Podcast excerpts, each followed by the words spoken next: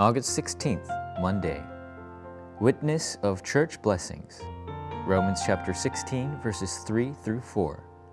Greet Priscilla and Aquila, my fellow workers in Christ Jesus. They risked their lives for me. Not only I, but all the churches of the Gentiles are grateful to them.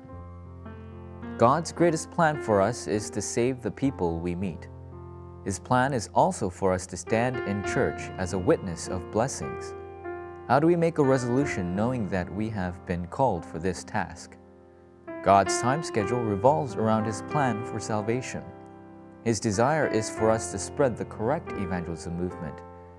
If evangelism is what God desires the most, we must make a lifelong resolution regarding evangelism. Number one, lifelong resolution. God has a plan to save souls through evangelism. Today, our resolution regarding evangelism must align with God's plan. The early church staked their lives on evangelism.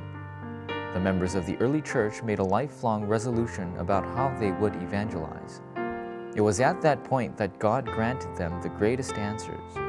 The couple Priscilla and Aquila were representative people who were greatly used for the early church. They helped the early church and evangelists, and they went even went to Rome to evangelize. If you make a lifelong resolution today, doors of answers will open up. Number two, realistic resolution. When we make a lifelong resolution, it must have a realistic foundation. This foundation is a resolution of prayer. If you continue with scheduled prayer, then your feelings and personal motives disappear. If you do scheduled prayer, you can receive God's accurate answer.